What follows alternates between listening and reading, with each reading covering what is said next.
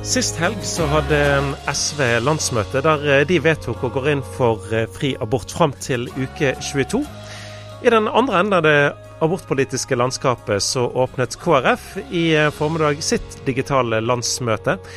Redaktør i Dagen Taje Gilje, du følger KrF sitt landsmøte. Tegner abortspørsmålet til å bli en viktig sak der òg? Ja, det gjør det. Eh, det var ikke et sentral, det var ikke et hovedtema si, i eh, partilederens eh, tale, men det er jo klart et emne som vekker engasjement. Og Det engasjementet har jo vært her veldig lenge, men, men det som har skjedd de siste ukene gir jo den debatten ekstra kraft. Abortsaken har fått ny aktualitet ikke bare pga. SV sitt vedtak forrige uke, men eh, MDG og Rødt og Arbeiderpartiet har alle vedtatt ny og mer liberal politikk på denne fronten eh, i de siste eh, månedene. Hvorfor skjer dette nå? Først og fremst er vel dette en utvikling som har pågått over tid.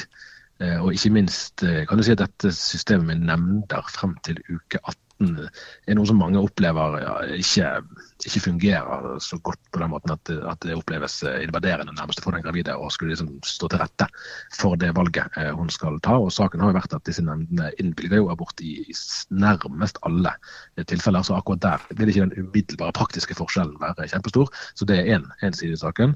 Eh, og så får jo KrF fortjent eller ufortjent litt skyld i forbindelse med det som skjedde før inntreden i regjeringen, der det, skal ha blitt gitt løfter om mulige endringer eh, i forbindelse med det. Eh, og det, altså det er vel sånn med abortloven i Norge at den, den, har stått i ro lenge, eh, men det er veldig sterke følelser like bak. sånn at idet man begynner å rokke ved det, så kommer det også krefter i spill som, som man kan si at dette som skjer nå i andre partier er et utslag av det òg. Men akkurat hva som er årsaken til hva, det vet man jo ikke helt. om. Nå er, det som du sier relativt få aborter i Norge som foretas så seint som uh, uke 22. Uh, eh, hvorfor vekker da SV sitt vedtak uh, for å ta det, da, så sterke reaksjoner som det har gjort fra mange hold siste uken? Ja, Det er verdt å merke seg, for dette tror jeg er første gang i min levetid at det kommer et forslag fra et politisk parti om en liberalisering av abortloven som faktisk vekker negativ respons i store deler av eh, opinionen. Det har, har vært knapt. Det tror jeg ikke jeg har skjedd først jeg kan, jeg kan huske. Eh, og, og, hva som gjør det, det blir jo en tolkning, men, men det går i hvert fall an å se det sånn at, at her blir det blir så synlig at uh, dette barnet er jo like ved at det faktisk ville overlevd hvis det ble født på, på, vanlig måte. Og da blir jo det å skulle faktisk ta livet av det Eh, blir, eh, blir eh, altså, Kontrastene i det blir veldig synlige. Hva slags motkrefter er det SV sitt vedtak har mobilisert her? For Jeg, jeg syns å se debatt rundt fosterets rettsvern i større grad og fra flere hold enn jeg har sett tidligere. Ja, altså Den mest prominente er jo stortingspresidenten. At Det er ytterst uvanlig at stortingspresidenter eh, engasjerer seg i løpende politisk debatt. Men her har Tone Wilhelmsen Trøen gjort et unntak eh, og, bedt om eh, forståelse for at dette er noe som betyr mye for henne. Og Det i seg selv sender jo et signal. Så er det flere politiske analytikere som har pekt på det altså at rent sånn i forhold til oppslutning, at dette kan, være, kan faktisk være det som kanskje dipper KrF over sperregrensen. Er det noen som lurer på at det kan generere såpass mange velgere. Men, men først altså utover det rent sånn partipolitiske, så er det jo liksom realiteten i saken som jeg tror vi skal være aller mest eh, oppmerksom på. at her altså Fosteret har jo et økende rettsvern utover i svangerskapet. Det har det ut fra den loven vi har i dag òg.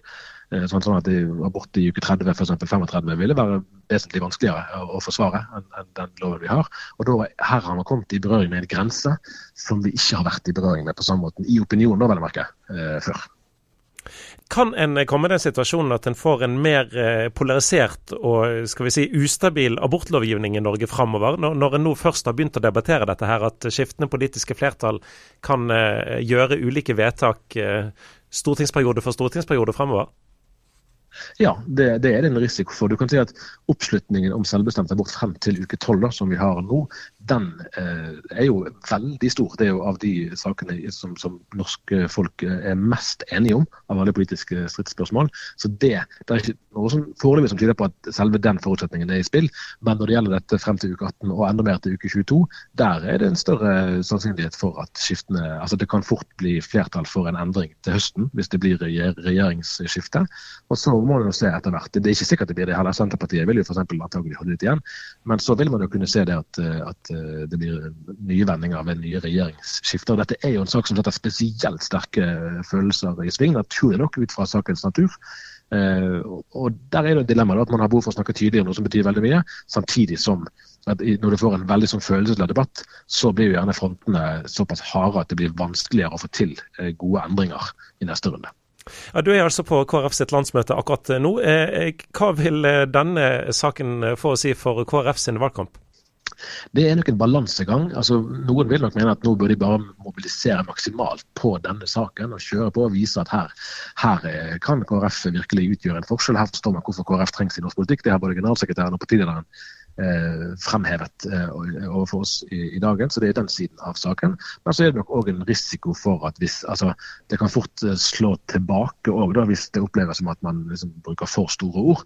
Eh, at da kan en del bli skremt av det òg. Og her, her altså, husk på at av de som er motstandere av selvbestemt abort, så er det nok en forholdsvis høy andel av de som allerede er KrF-velgere.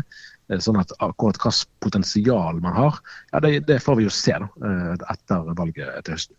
Men kanskje er det større enn vi tror. Du har hørt en podkast fra Petro. Du finner masse mer i vårt podkastarkiv på petro.no.